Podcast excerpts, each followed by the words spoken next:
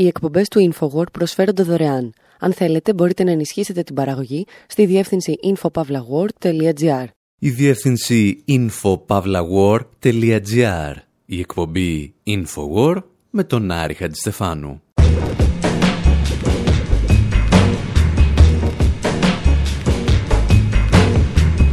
όπου σήμερα αναζητούμε τον πανέμορφο σύντροφο του Ηρακλή, Ήλα, τον οποίο τον έφαγαν οι γκόμενες.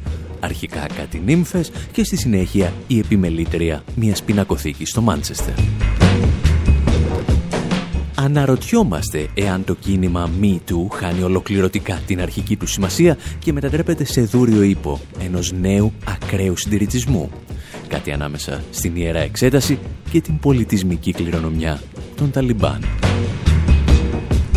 Ακολουθούμε την πορεία του Ήλα και των νυμφών από την ρωμαϊκή αρχαιότητα μέχρι το πορτρέτο του Dorian Gray και ζητάμε τη γνώμη του Oscar Wilde. Και ύστερα αλλάζουμε θέμα και συζητάμε για ρινόκερους. Πιανόμαστε από μία φράση του Ιονέσκο και αναρωτιόμαστε τι πρέπει να κάνεις όταν ένα εθνικιστικό παραλήρημα κατακλείζει τους γύρω σου.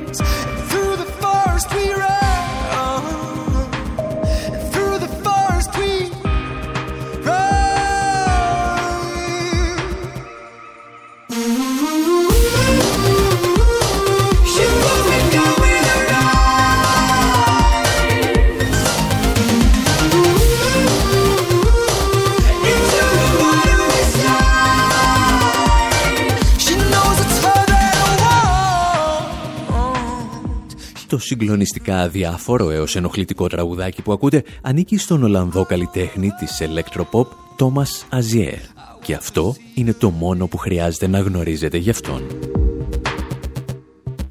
Εμάς πάλι, το μόνο που μας ενδιαφέρει είναι ότι το συγκεκριμένο τραγούδι, όπως και ολόκληρο το άλμπουμ, είναι βασισμένο στην ιστορία του Ήλα. Ο Ήλας, αν θυμάστε, ήταν σύντροφος του Ηρακλή και το σύντροφος το αφήνουμε ανοιχτό σε όλες τις δυνατές ερμηνείες. Γιατί ποσός μας ενδιαφέρει τι κάνει ή δεν κάνει ο καθένας στο κρεβάτι του. Το σίγουρο είναι ότι ο Ηρακλής έσφαξε τον πατέρα του Ήλα και βασιλιά των Δριόπων Θεοδάμαντα. Εντυπωσιασμένος όμως από την ομορφιά του Ήλα, τον πήρε μαζί του και έγιναν αχώριστοι.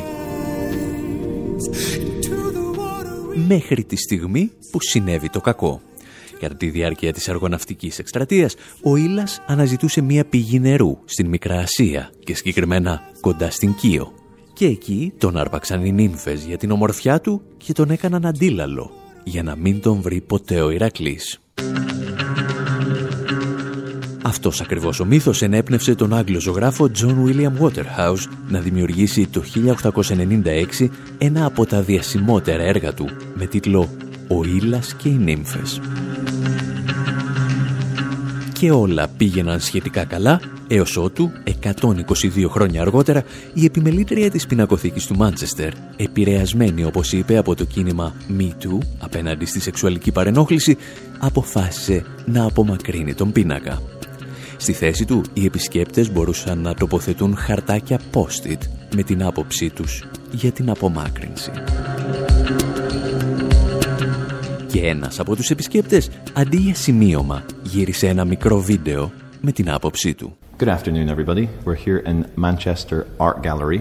There's a painting by a gentleman called Waterhouse Καλησπέρα σε όλους. Βρισκόμαστε στην πινακοθήκη του Μάντσεστερ. Εδώ υπήρχε ένας πίνακας του Waterhouse με τον τίτλο Ο Ήλας και οι Νύμφες. Μια επιμελήτρια της έκθεσης έκρινε ότι θα μπορούσε να ξεκινήσει μια συζήτηση όπως είπε. Θεώρησε ότι επειδή οι γυναίκες στον πίνακα είναι νεαρές και όμορφες, προβάλλουν το σώμα τους για να προσελκύσουν τον Ήλα στη λίμνη. Σκέφτηκε λοιπόν να απομακρύνει τον πίνακα και να τοποθετήσει αυτό το πράγμα. Ένα κείμενο που λέει κάτι για τη σημασία του γυναικείου σώματος ως στοιχείο παθητικής διακόσμησης. Α αφιζητήσουμε, συνεχίζει το κείμενο, αυτή τη βικτωριανή φαντασίωση a passive decorative or a femme fatale. Let's challenge this Victorian fantasy. Ο αφηγητής μας, να σας θυμίσουμε, είναι ένας απλός επισκέπτης της πινακοθήκης του Μάντσεστερ. Αλλά έχει έρθει η στιγμή να εκφέρει και τη δική του γνώμη ως φορολογούμενος πολίτης του Ηνωμένου Βασιλείου. Much like the Taliban in Afghanistan is a removal of non-correct art Όπως και στην περίπτωση των Ταλιμπάν στο Αφγανιστάν, έχουμε την απομάκρυση ενός έργου από το παρελθόν που κρίνεται μη ορθό. Ένα εξαιρετικό έργο απομακρύνεται γιατί δεν συμβαδίζει με την πολιτικά ορθή φεμινιστική θεώρηση για το τι μπορεί να βλέπει το κοινό.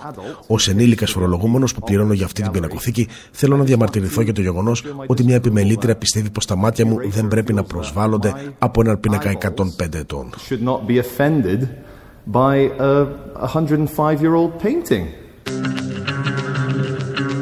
Ο επισκέπτης της έκθεσης στο Μάντσεστερ κάνει καταρχάς ένα λάθος, γιατί ο πίνακας, όπως είπαμε, δεν είναι 105 ετών, αλλά 122. Επίσης, η πράξη της επιμελήτριας διαφέρει από την καταστροφή έργων τέχνης από τους Ταλιμπάν για αρκετούς λόγους.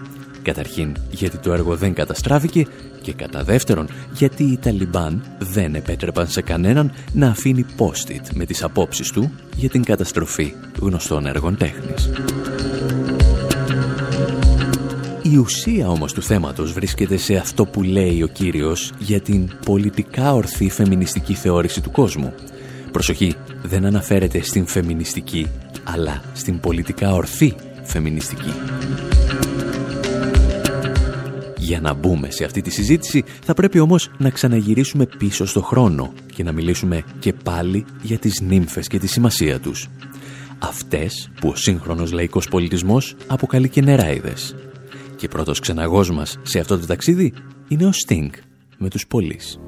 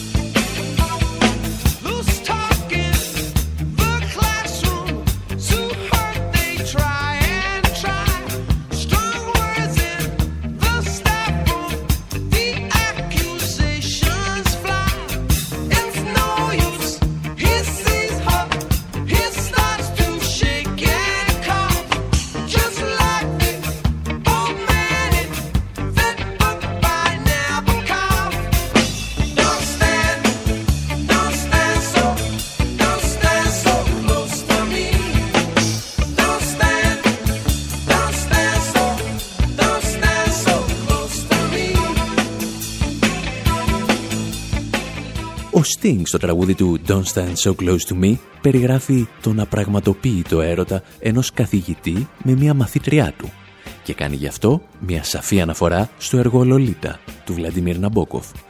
Όταν την βλέπει, λέει, αρχίζει να τρέμει και να βύχει, όπως εκείνος ο γέρος στο βιβλίο του Ναμπόκοφ.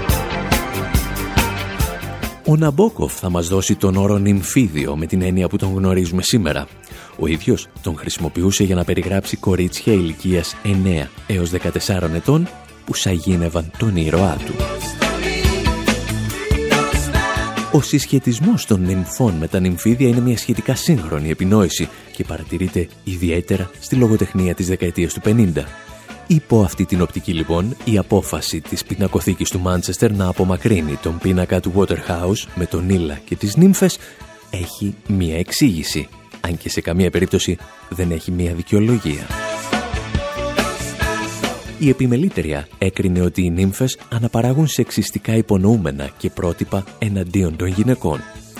Πιστεύουμε όμως ότι η μόνη σοβαρή απάντηση σε μια τέτοια ανάλυση είναι η φράση «κούνια που σας κούναγε» γιατί οι νύμφες σήμαιναν πολλά περισσότερα. Μικρόφωνο γι' αυτό στο συγκρότημα «Δαιμόνια νύμφη». Ω, νύμφες, θυγατέρες του πιανού,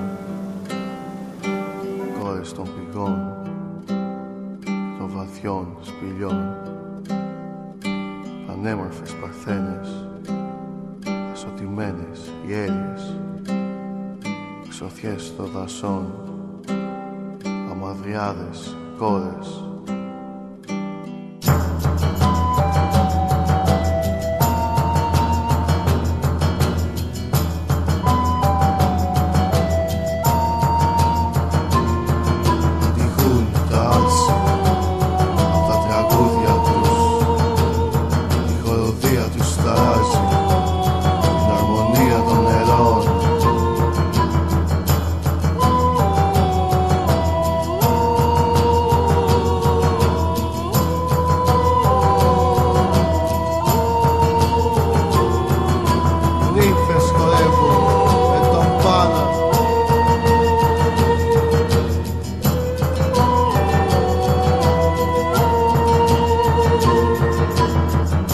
Το συγκρότημα «Δαιμόνια νύμφη» αναφέρεται στις δεκάδες διαφορετικές ιδιότητες των μυθολογικών νυμφών.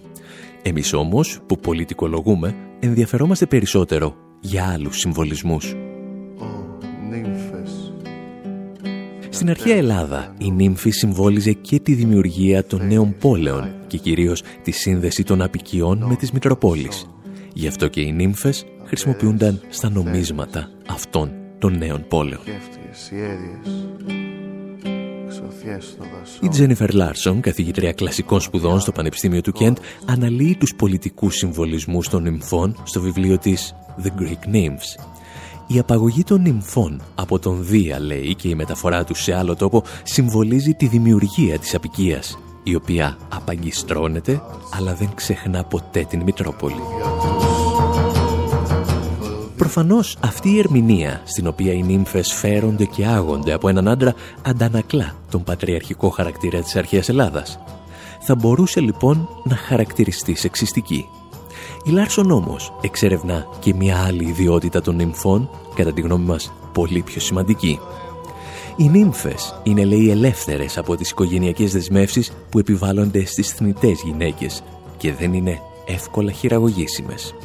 Για την ακρίβεια, η Λάρσον χρησιμοποιεί τη φράση «δεν μπορούν να εξημερωθούν».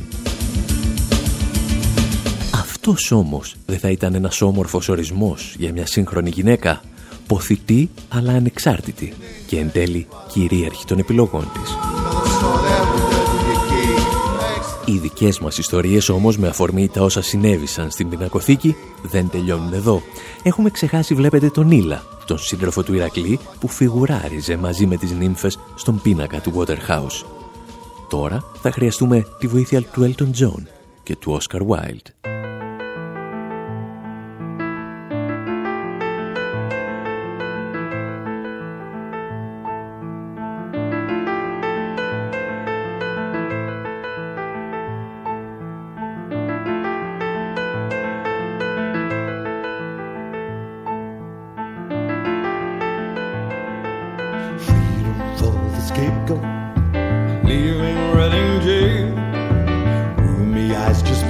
His heart like crucifixion nails.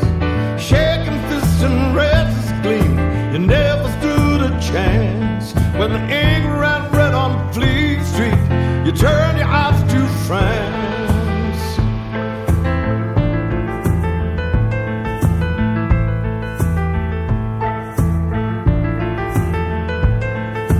Humble far from Dublin, chased across the. Biting still sharp enough to slice through every page. Destitute and beaten by the system of the crown. The bitter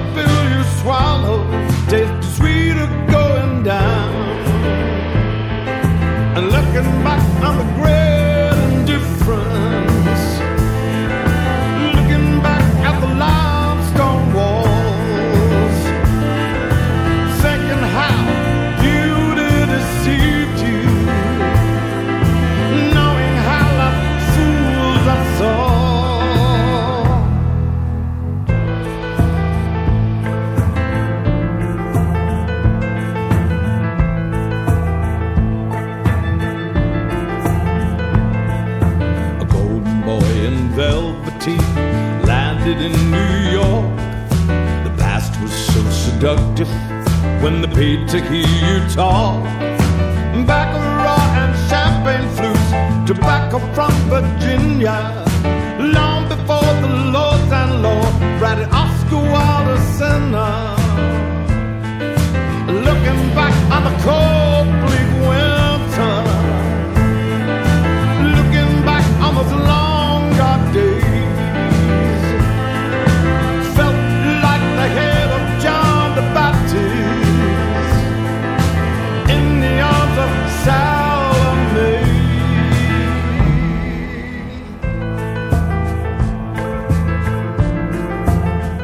Ο Elton John τραγουδά για έναν άνθρωπο που απελευθερώνεται ύστερα από δύο χρόνια από τις φυλακές του Reading.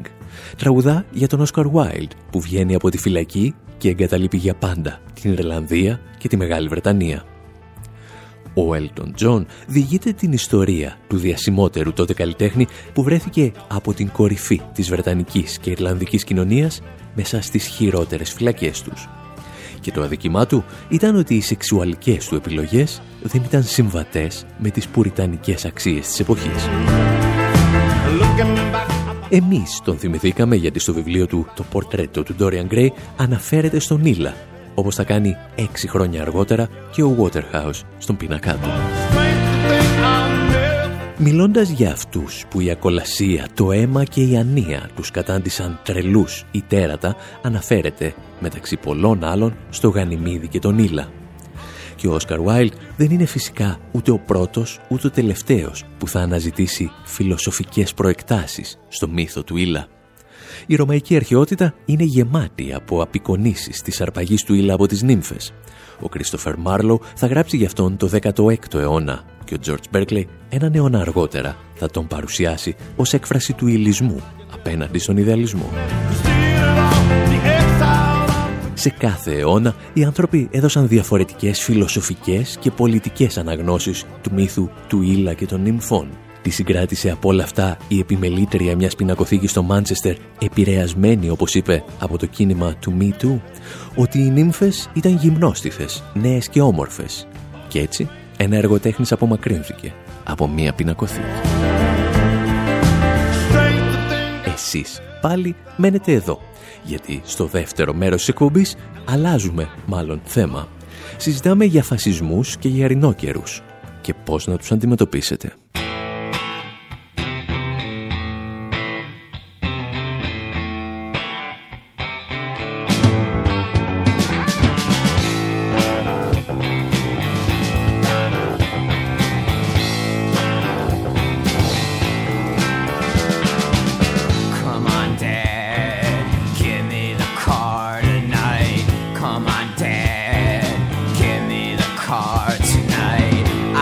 This girl, I wanna.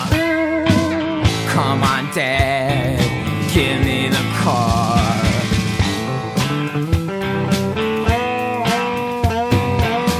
Come on, Dad, give me the car tonight. I tell you what, I tell you what I'm gonna do. I'm gonna pick her up, I'm gonna get her drunk. I'm gonna make her cry, I'm gonna get her. I'm gonna make her laugh, I'm gonna make her shh. Woman, woman, woman, gonna know she's it, cause I'm gonna touch her all over her body, gonna touch her all over her body, gonna touch her all over her body, gonna touch her all over her body, and she can touch me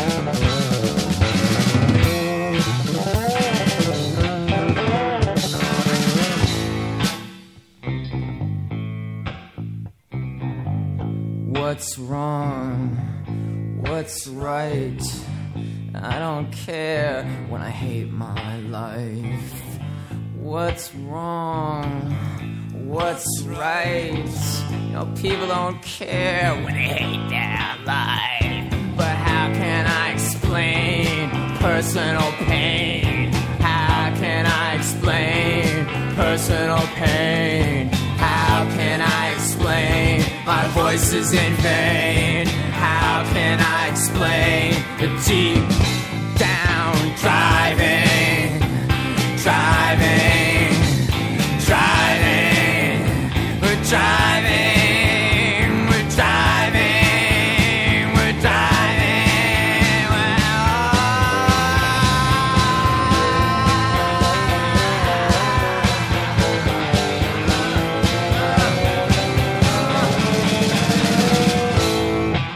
Dad.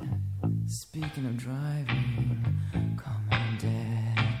Give me the car.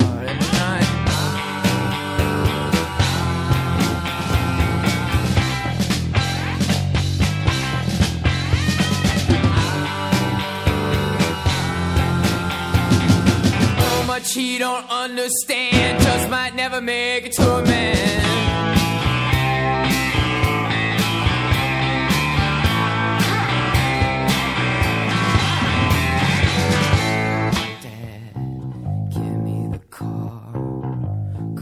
Dad, I ain't no runt. Come on, girl, give me your. Cause I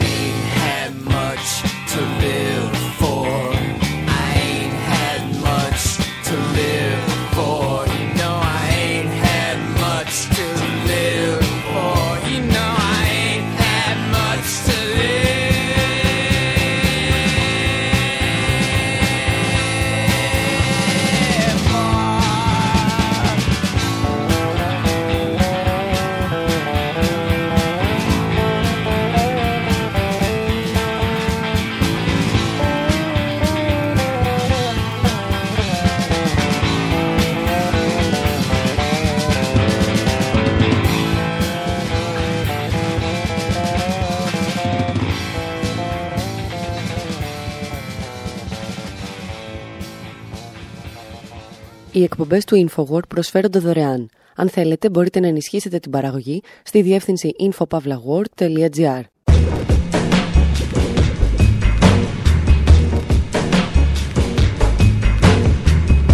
Όπου σήμερα αναρωτιόμαστε και πάλι εάν ένας άνθρωπος έχει το δικαίωμα να αντιστέκεται σε ένα καθεστώς ακόμη και αν αποτελεί εσχρή μειοψηφία μέσα σε αυτό. Αν λόγου χάρη έφνης ανακαλύψεις ότι είσαι μια μειοψηφία απέναντι σε μια πλειοψηφία από παραπλανημένους φασίστες, οι οποίοι ψήφισαν τον πρωτοναζιστή ή τον πρωτομαφιόζο που βρήκαν στα ψηφοδέλτιά τους. Και ζητάμε γι' αυτό τη γνώμη του Ιονέσκο αλλά και του Μόμπι, των Κλάς και του Ντεγκόλ. Γενικά δηλαδή, μοιραζόμαστε σκόρπιες ιδέες που μας πέρασαν από το μυαλό ακούγοντας αυτό εδώ το τραγούδι.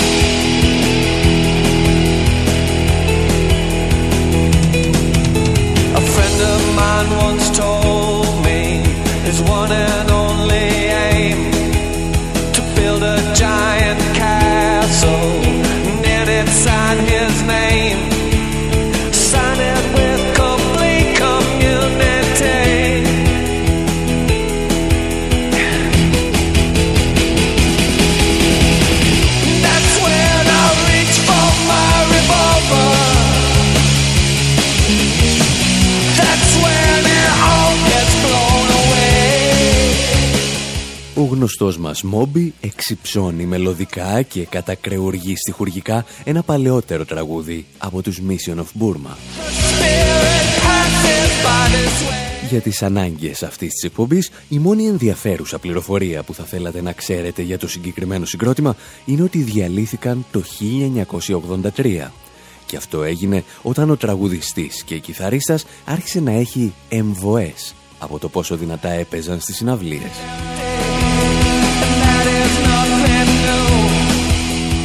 Πιο απλά άρχισε να ακούει κάτι ήχους στα αυτιά του το 1983 και μάλλον τους ακούει ακόμη και σήμερα.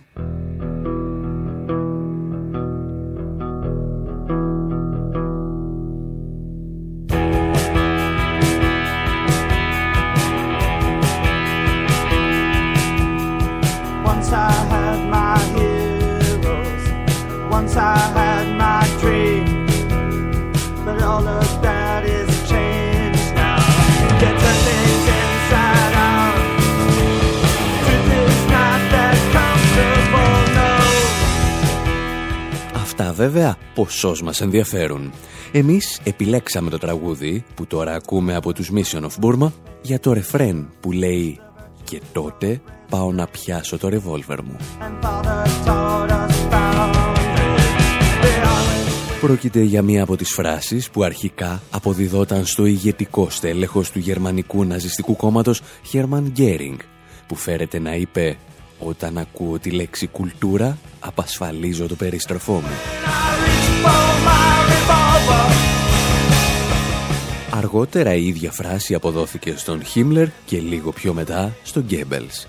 Και η πλάκα είναι ότι δεν την εξτόμησε κανένας από αυτούς. Η φράση προέρχεται από έναν άλλο ναζιστή, τον θεατρικό συγγραφέα Hans Jost και συγκεκριμένα από μια παράσταση που ανέβασε για τα γενέθλια του Χίτλερ το 1933. Έκτοτε βέβαια αυτό το μίσος της άκρας δεξιάς και των ναζιστών για τη λέξη κουλτούρα παίρνει διαφορετικές μορφές.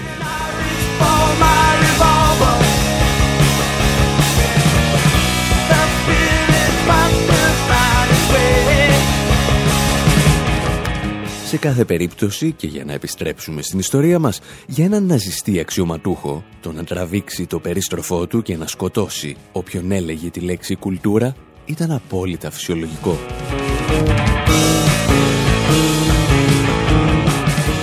Και το τραγικό είναι ότι στη Γερμανία του 1933 μπορούσε να το κάνει γνωρίζοντας ότι ένα πολύ μεγάλο ποσοστό του πληθυσμού θα τον υποστήριζε. Γιατί αυτό το τμήμα του πληθυσμού τον είχε ψηφίσει. Το κόμμα του Χίτλερ μπορεί να μην είχε έρθει βέβαια πρώτος στις εκλογές και σίγουρα δεν θα είχε καταφέρει τίποτα αν δεν χρηματοδοτούνταν άμεσα από τους μεγαλύτερους Γερμανούς βιομήχανους.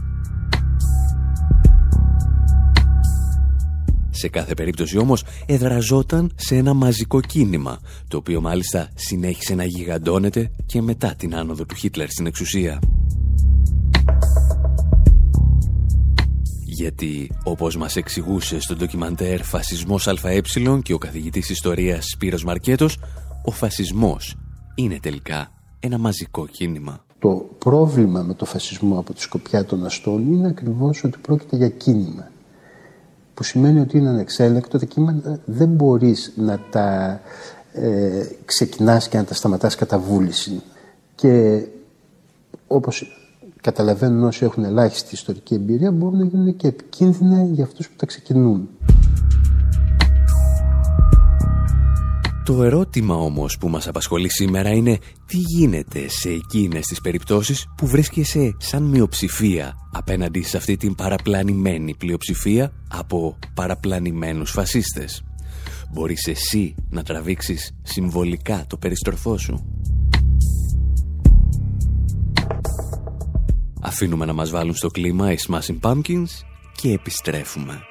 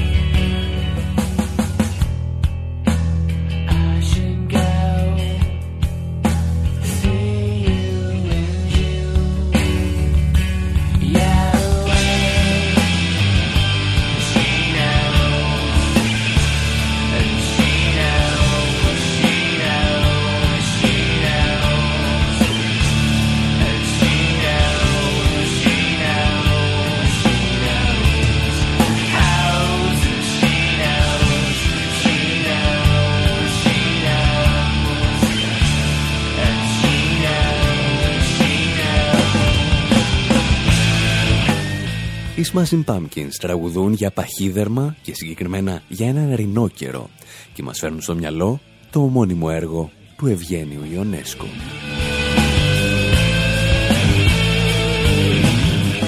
Ένα έργο που ο ίδιος εμπνεύστηκε από τα μαθητικά του χρόνια στο Βουκουρέστι. Βρέθηκε λέει εκεί όταν η πλειονότητα του πληθυσμού άρχισε να φλερτάρει με τον ναζισμό. Je me trouvais dans un pays où j'étais en désaccord avec la majorité. Βρισκόμουν ως μαθητής σε μια χώρα που διαφωνούσα με την πλειονότητα των συμμαθητών μου, των καθηγητών μου ή των συγγραφέων. Όλοι αυτοί άρχισαν σταδιακά να γίνονται ναζιστές. Καθώς δεν είχα καμία επαφή με αυτόν τον κόσμο, αισθανόμουν σαν να βρίσκομαι ανάμεσα σε τέρατα. Άρχισα να σκέφτομαι ότι αν ήταν όλοι τους ναζιστές και εγώ δεν ήμουν, μήπως τελικά ήμουν εγώ το τέρας. Et moi pas, c'est que c'est moi le monstre peut-être.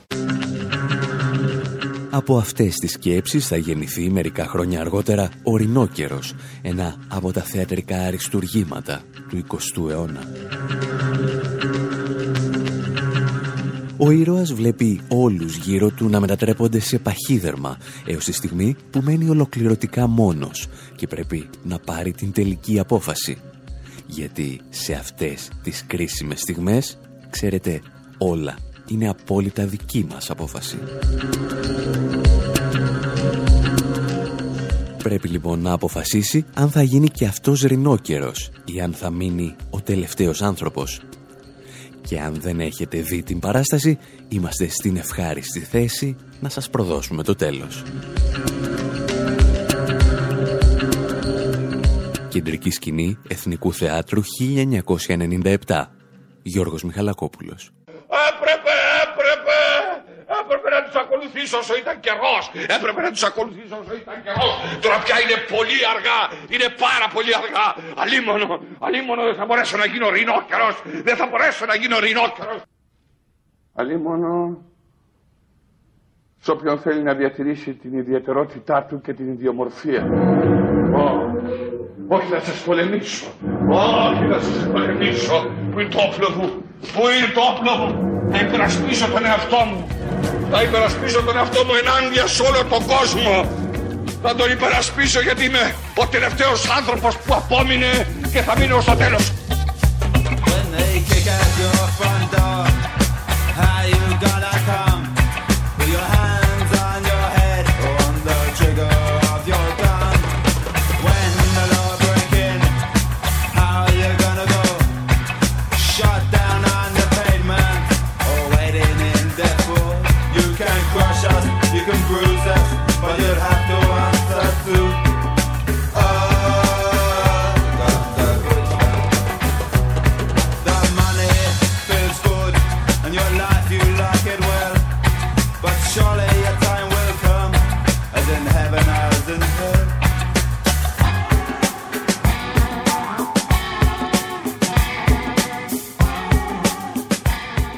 Το μοτίβο του ρινόκερου, του ανθρώπου που στέκεται μόνος απέναντι σε όλους, επαναλαμβάνεται στην ανθρώπινη μυθοπλασία και την τέχνη από τότε που θυμόμαστε να υπάρχουν άνθρωποι. Στοιχεία του μπορεί να εντοπίσει κανείς από τον Προμηθέα μέχρι τον Χριστό και από τον Δον Κιχώτη μέχρι τον Ιονέσκο. You know it means no mercy. They caught him with a gun. Τις καλύτερες ιστορίες όμως τις πλάθει πάντα η πραγματικότητα.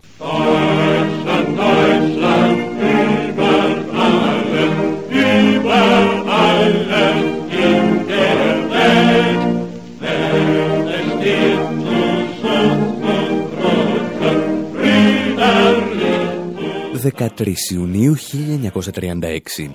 Στο Αμβούργο το ναζιστικό καθεστώς γιορτάζει την καθέλκυση ενός εκπαιδευτικού σκάφους μπροστά σε ένα πλήθος που αλαλάζει από ενθουσιασμό και χαιρετά ναζιστικά. Μόνο που μέσα σε αυτό το πλήθος βρίσκεται και ένας άνθρωπος που ονομάζεται August Landmesser και αρνείται να σηκώσει το χέρι και να χαιρετήσει ναζιστικά. Ο Λαντμέσερ δεν ήταν άγγιος. Είχε αναγκαστεί και αυτός να γίνει μέλος του ναζιστικού κόμματος γιατί ήταν ο μόνος τρόπος να βρει δουλειά στο ναυπηγείο του Αμβούργου. Ακριβώς όμως επειδή δεν ήταν Άγιος και ήταν άνθρωπος με ανάγκες και αδυναμίες όπως και εμείς, μπορούμε να τον χαρακτηρίσουμε ήρωα. Εάν δεν υπήρχε ο Λαντ Μέσερ σε αυτή την περίφημη φωτογραφία, όσοι χαιρετούσαν ναζιστικά γύρω του θα ήταν παραπλανημένοι υποστηρικτές του Χίτλερ. Χάρη στον Λαντ Μέσερ ξέρουμε ότι ήταν ναζιστές και έπρεπε να εξολοθρευτούν.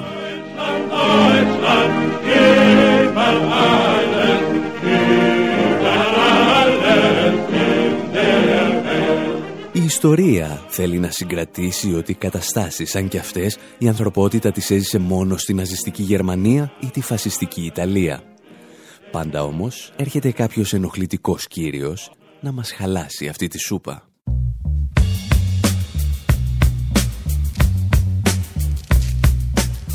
Μέχρι την επόμενη εβδομάδα, από τον Άρη Στεφάνου στο μικρόφωνο και τον Δημήτρη Σαθόπουλο στην τεχνική επιμέλεια, γεια σας και χαρά σας.